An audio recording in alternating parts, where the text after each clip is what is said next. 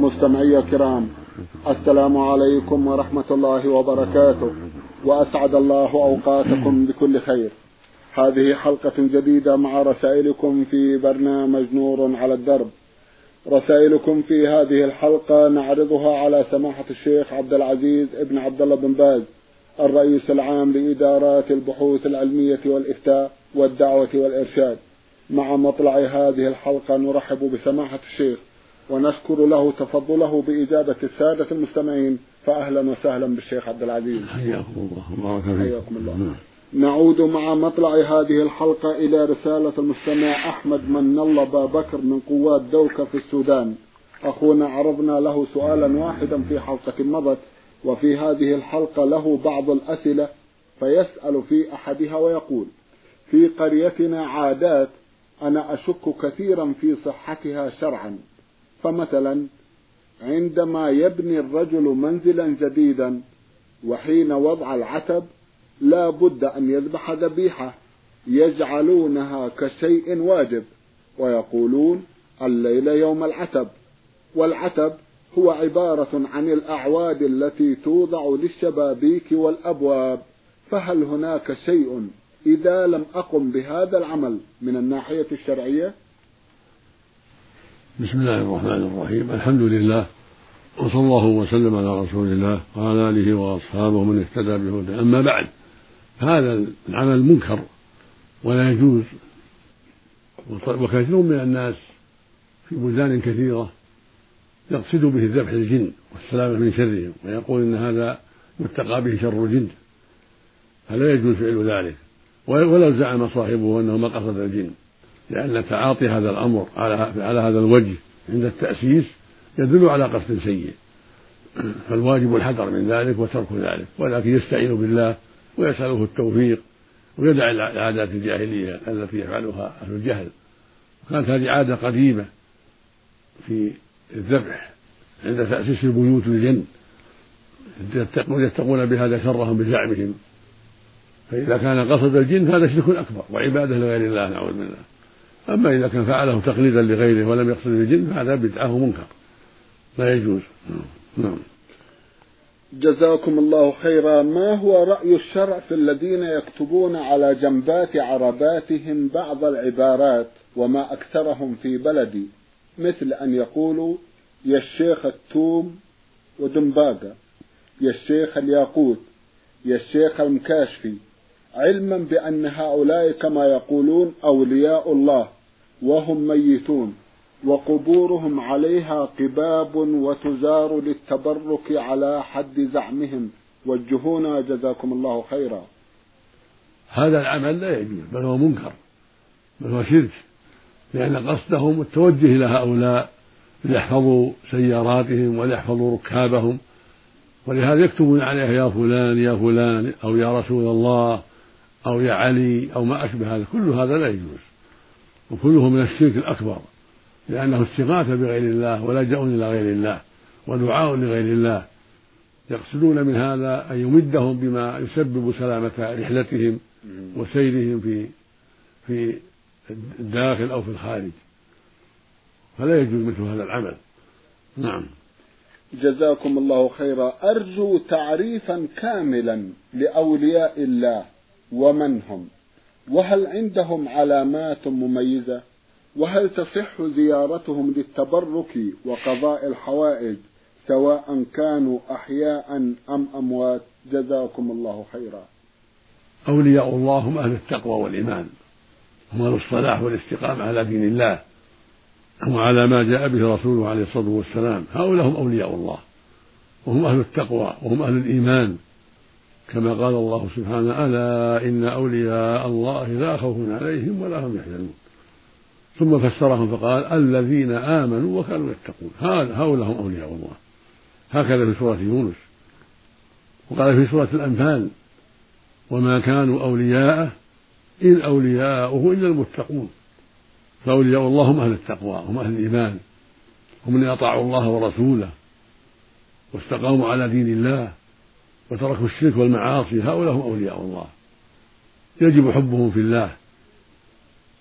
ولكن لا يجوز دعاءهم من دون الله ولا الاستغاثة بهم ولا البناء على قبورهم. هذا منكر. ولا البناء على قبور الأنبياء أيضا. يقول النبي صلى الله عليه وسلم لعن الله اليهود والنصارى اتخذوا قبور أنبيائهم مساجد. وقال عليه الصلاة والسلام ألا وإن من كان قبلكم يعني من الأمم كانوا يتخذون قبور أنبيائهم وصالحيهم مساجد. ألا فلا تتخذوا مساجد؟ فإني أنهاكم عن ذلك. رواه مسلم في الصحيح. فنهر الناس عن اتخاذ المساجد على قبور الأنبياء والصالحين. وحذرهم من ذلك. ولعن من فعل هذا. وروى مسلم في الصحيح عن جابر رضي الله عنه. قال نهى رسول الله أن يجصص القبر وأن يقعد عليه وأن يبنى عليه. فلا يبنى عليه قبة ولا غرفة ولا مسجد بل يجب الحذر من ذلك. بل تترك القبور بارزة شامسة كما كان في عهد النبي صلى الله عليه وسلم في البقيع وفي غيره. في الأرض الواضحة التي ليس فيها بناء يكون القبر بارزا على الأرض قدر شبل ونحوه حتى يعرف أنه قبر ولا يبنى عليه ولا يجصص ولا يجعل عليه قبة ولا مسجد. كل هذا لا يجوز. وهذه القباب والمساجد توضع القبور من أسباب الشرك. إذا رآها العامي معظمة بالقباب والمساجد وربما فرشوها وربما طيبوها صار هذا من أسباب الشرك. بدعة يترتب عليها شرك أكبر نسأل الله العافية. فإن العامة إذا رأوا هذا هذا العمل دعوها من دون الله واستغاثوا بها وتمسحوا بها إلى غير ذلك أما زيارة المؤمن أن يسلم على أخيه يعني على قبره إذا كان ظاهرا بارزا ليس فيه قبة ولا مسجد ولا فلا بأس بل سنة. النبي عليه السلام قال زوروا القبور فإنها تذكركم الآخرة. فإزار القبور ليسلم عليهم ويدعو لهم هذا مشكور وهذا سنة.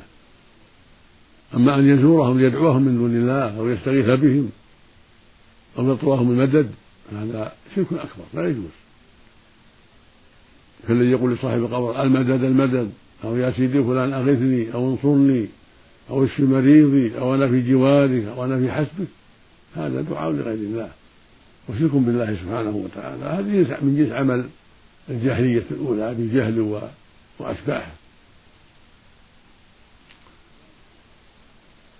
فالواجب على المسلمين أن يحذروا هذه الأمور وأن يتواصوا ويتناصحوا بتركها أينما كانوا.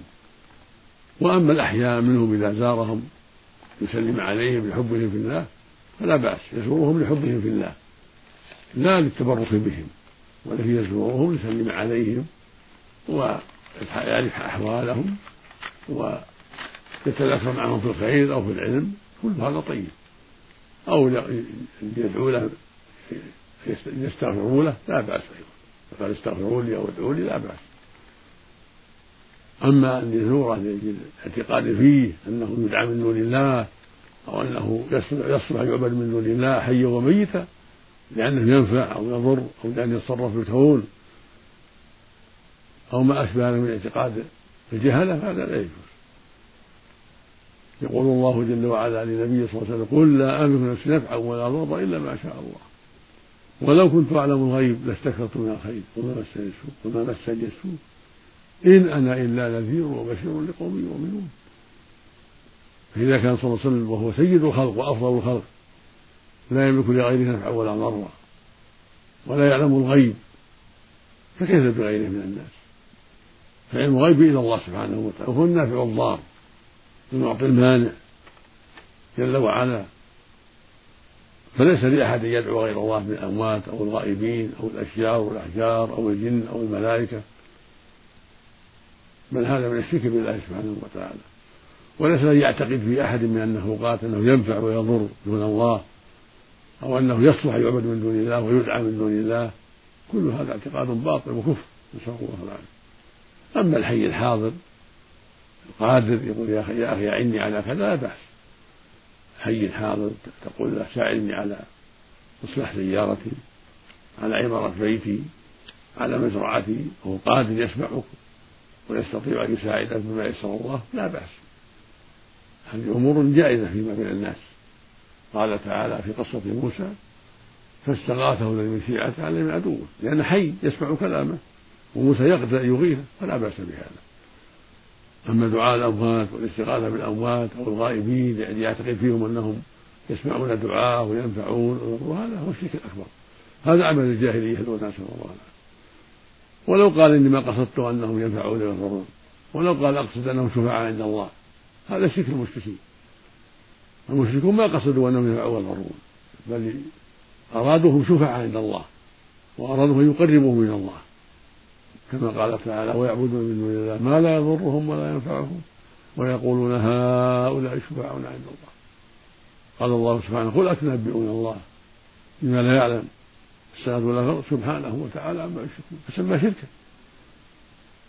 قال سبحانه وتعالى في سورة الزمر والذين اتخذوا من دونه أولياء ما نعبدهم إلا ليقربونا الله زلفى ما قالوا لأنهم ينفعون يضرون لا قال يقربونا الله زلفى هذه عقيدتهم. يعلمون أن النافع الضار هو الله وحده. ولكنهم يطلبون من الأولياء أو من الأنبياء أو من ولاة الشفاعة إلى الله.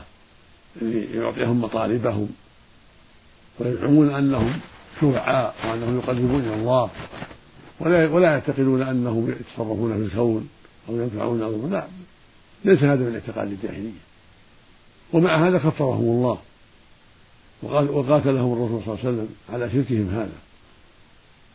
فالواجب على كل من يدعي الإسلام فيتبصر ويتفقه في دينه وأن يحذر التعلق بأهل القبور ودعاءهم من دون الله والاستغاثة بهم والنذر لهم والذبح لهم وأن هذا هو شرك الجاهلية.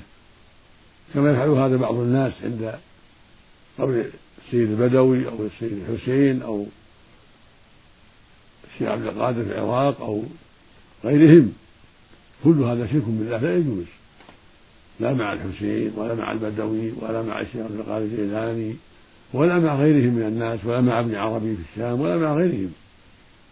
الواجب الإخلاص لله في العبادة لأنه حق سبحانه وتعالى. قال تعالى وما أمروا إلا ليعبدوا الله وما أمروا إلا ليعبدوا الله مخلصين له الدين حنفاء قال سبحانه وقضى ربك ألا تعبدوا إلا إياه. يعني أمر وأوصى ألا تعبدوا إلا إياه. وقال سبحانه يا أيها الناس اعبدوا ربكم. وقال جل وعلا وما خلقت الجن والإنس إلا ليعبدون. هذا أصل الدين وأساس الملة. قال أعظم واجب وأهم واجب أن تعبد الله وحده. بدعائك ونذرك وذبحك وصلاتك وصومك وغير ذلك. وقال تعالى قل إن صلاتي ونسكي ومحياي ومماتي لله رب العالمين لا شريك له. والنسك يطلق على الذبح وعلى العبادة. فكما أن الصلاة لله هكذا الذبح لله. الذي يذبح للجن أو يتقرب لأصحاب القبور أو الأشجار والأصنام بالذبائح هذا شرك بالله عز وجل. وهكذا دعاؤهم والاستغاثة بهم وطلب المدد مثل يقف على قبر المدد المدد. أو يدعو من قريب يا سيدي البدوي أو يا سيدي الحسين المدد المدد. أو يا سيدي عبد القادر المدد المدد. هذا الشرك الأكبر. هذا شرك بالله عز وجل وعبادة لغيره. قال سبحانه وتعالى وأن المساجد لله فلا تدعوا مع الله أحدا. أحدا عام يعم الأنبياء وغيرهم. نكر في ساق النهي. كعم الأنبياء والملائكة والجن والإنس. وقال سبحانه وتعالى ولا تدع من دون الله ما لا ينفعك ولا يضرك. فإن فعلت فإنك إذا من الظالمين. يعني المشركين. وقال سبحانه ومن يدعو مع الله إلها آخر لا برهان له فإنما حسابه عند ربه إنه لا يفلح الكافرون. فسمى دعاة غير الله كفارا. ولو قالوا ما نسميه إله ولو قالوا نسميهم سادة أو نسميهم أولياء متى دعوهم واستغاثوا بهم فقد جعلهم آلهة وإن لم يسموهم آلهة فلا عبرة بالأسماء العبرة بالحقائق. فالذي يعبده من دون الله ويستغيث به قد جعله إلها وإن لم يسميه إلها وإن قاله السيد أو هو الولي أو هو كذا أو كذا بأسماء أخرى. فالاعتبار في الأمور بالحقائق والمعاني لا بالألفاظ. نسأل الله وأن يهدي إخواننا جميعا المسلمين نسأل الله أن يرشد الجاهل الحق والهدى وأن يكثر في المسلمين علماء الحق وعلماء الهدى حتى يبصروا الناس وحتى يرشدوهم إلى توحيد الله وإلى الحق الذي بعث الله به نبيه محمد عليه الصلاة والسلام. ونسأل الله أن يهدي الجاهل إلى أن يتعلم ويسأل ويتبصر ولا يرضى بالتقليد الأعمى. نصيحتي لجميع من يتصل بالقبور أو يدعو القبور أو يجهل أحكام الله نصيحتي للجميع أن يسألوا العلماء علماء الحق. علماء السنة أهل البصيرة يسألوهم مثل الأنصار السنة في الشام في مصر مثل شيخ الأزهر مثل علماء السنة في الشام في الأردن في أي مكان علماء الحق المعروفين بالسنة والتوحيد والإخلاص والبصيرة. وهكذا في كل مكان في أفريقيا وفي أوروبا وفي أمريكا في كل مكان. الواجب على من جهل الحكم أن يسأل. ولا يقدم على شيء على غير بصيرة. الله يقول سبحانه في كتابه العظيم فاسألوا أهل الذكر إن كنتم لا تعلمون. ويروى عنه عليه السلام أنه قال لقوم أفتوا بغير علم؟ ألا سألوا إذا لم يعلموا؟ إنما شفاء العي السؤال. وكان الصحابة يسألونه عليه الصلاة والسلام ويعلمهم ويجيبهم. حتى النساء يسألونه ويجيبهم. وقال له بعض النساء يا رسول الله ذهب الرجال بحديثك فاجعلنا يوما نسألك ونتحدث إليه فوعدهم وجمعهم في مكان وأتاهم وسألوه عن حاجاتهم عليه الصلاة والسلام. فالواجب على العلماء أن ينبسطوا للجهلة حتى يعلموهم وأن يعتنوا بالكتاب والسنة وأن تكون الفتاوى من الكتاب والسنة. لا من التقليد الأعمى بل من كتاب الله العظيم وسنة رسوله الأمين. على العالم أن يتبصر من طريق الكتاب والسنة وأن يعلم الناس على ضوء الكتاب والسنة ويرشدهم إلى أحكام الله التي دل عليها كتابه العظيم وسنة رسوله الأمين عليه الصلاة والسلام. وأن يحذر التساهل في هذه الأمور. رزق الله الجميع الهداية والتوفيق. اللهم آمين. جزاكم الله خيرا. سنعود إلى رسالة أخينا في حلقة قادمة إن شاء الله تعالى لنستكمل ما تبقى من أسئلتها.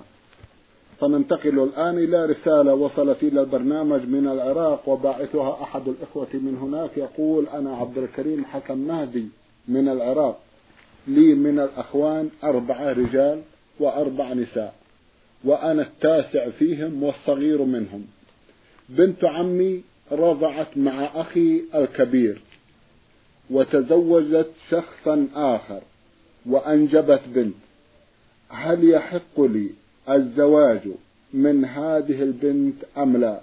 علما بأن الناس يقولون إذا كانت الرضاعة تمت عليهما سويا فهما اللذان لا يحق لهما الزواج من بعضهما. أفيدونا؟ جزاكم الله خيرا. إذا رضعت إذا كانت رضعت من أمك مع أخيك خمس رضعات أو أكثر في الحولين ولو في مجلس واحد أو في يوم واحد فإنها تكون أختكم. ولو أنها مع أخيك الكبير تكون أختكم جميعا. وليس لك أن تنكح ابنتها لأنك خالها. أنت خال أولادها جميعا وإن نزلوا. خال أولادها وأولاد أولادها. إذا كانت هذه المرأة رضعت من أمك خمس رضعات أو أكثر فإنها تكون أختا لكم. ولجميع أولاد أمك ولجميع أولاد أبيك. صاحب اللبن. تكون أختا لكم جميعا. إذا كانت رضعت خمس رضعات أو أكثر في الحولين حال كونها طفلة في الحولين. وأولادها لا يجوز لك نكاح بنت منهم. أنت خالهم. خال أولادها الذكور والناس جميعا. لأنها صارت أختك. من الرضاعة وصار أولادها أولاد أختك وأنت خالهم فليس لك أن تنكح من بناتها شيئا ولا من بنات بناتها ولا بنات أولادها وإن نزلوا. فأنت خالهم جميعا وإن نزلوا. نعم.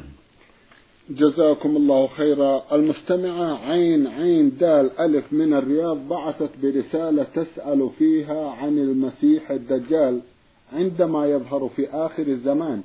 هل هو يتكلم؟ وإذا كان يتكلم فبأي لغة أفيدون أفادكم الله؟ نعم يكون في آخر الزمان وهو من بني آدم. ويتكلم باللغة العربية على ظاهر الأحاديث الواردة في حقه أنه يتكلم بالعربية. ومعه خوارق تفتن الناس معه نهر يزعم أنه نار ومعه نهر آخر يزعم أنه جنة. ويجري على أيديه خوارق كثيرة. ابتلاء وامتحان. ولهذا شرع الله لنا أن نتعوذ من فتنة في آخر كل صلاة. شرع لنا أن نقول نعوذ بالله أعوذ بالله من عذاب جهنم ومن عذاب القبر ومن فتنة المحيا والممات ومن فتنة المسيح الدجال. وهو أعور. أعور العين اليمنى. مكتوب بين عينيه كاف وفاء وراء. كافر. يقرأها كل مؤمن. يكرهه. كل مؤمن يكره مقالة يقرأها سواء عاميا أو قارئا. هذا من رحمة الله أن جعل علامة يعرفها المؤمن حتى لا يخدع به.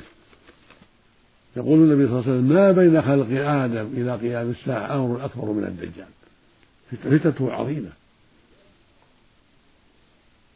فالواجب على من أدركه أن يحذره وألا يغتر به وأن يكذبه. نعم. جزاكم الله خيرا. المستمع ميم نون سين من الصومال ويعمل في المملكة بعث برسالة يقول فيها توفي والدي وأنا صغير السن. وبعد أن كبرت سمعت أن عليه دينا. ولا أعلم مقدار هذا الدين ولا من هو صاحب الدين.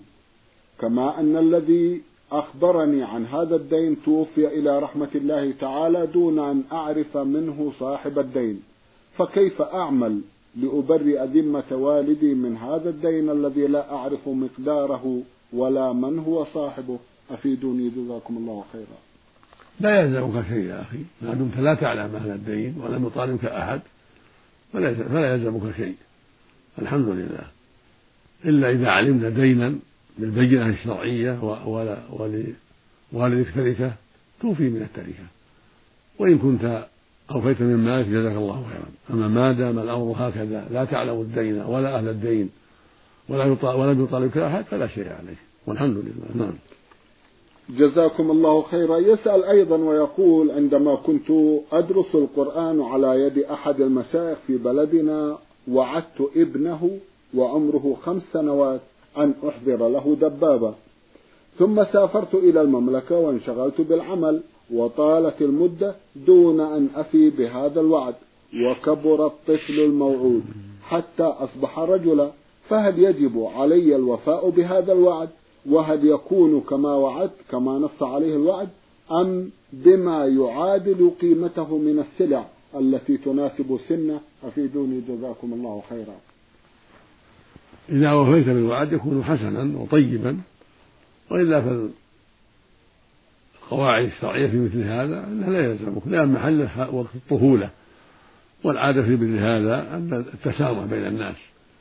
وإذا كان ما تيسر لك وقت الطفولة فلا حرج عليك والحمد لله. لكن إن أعطيته شيئا وكتبت له وراسلته وأعطيته شيئا في مقابل هذا الوعد هذا حسن من باب مكارم الأخلاق. نعم. جزاكم الله خيرا. رسالة بعث بها المستمع يسلم سالم عبودان الجابري من حضرموت. يقول في أحد أسئلته يوجد في قريتنا مسجد يتسع لحوالي أربعين شخصا وعدد سكان القرية لا يزيد عن اثني عشر شخصا. ولهذا فنحن لا نصلي صلاة الجمعة في هذا المسجد. وإنما نذهب إلى مسجد آخر يبعد عنا بضعة كيلومترات والسبب هو عدم توفر أربعين شخصا لقيام صلاة الجمعة. فهل يجوز قيام صلاة الجمعة بهذا العدد القليل وهو 12 شخص؟ جزاكم الله خيرا. نعم يجوز في أصح أقوال العلماء. ينبغي لك أن ينبغي لكم أن تقيموا الجمعة في محلكم. إذا كان عندكم إمام يصلح لذلك والحمد لله. إذا كان المسجد الذي يجمع فيه بعيدا عنكم وفي مشقة يعني يبعد عنكم عنكم عدة كيلوات تقيموا في قريتكم الجمعة والحمد لله. ولو كانوا خمسة ولو ستة أقل ذلك ثلاثة. إذا كانوا ثلاثة مستوطنين أحرار مقيمين في القرية جاز لهم أن يجمعوا ولو أنهم ثلاثة أو أربعة. أما اشتراط أربعين فليس بصحيح. قول ضعيف مرجوح عند أهل العلم. فلا بأس ولا حرج عليكم أن تجمعوا في قريتكم وإن كنتم اثني عشر أو أقل من ذلك.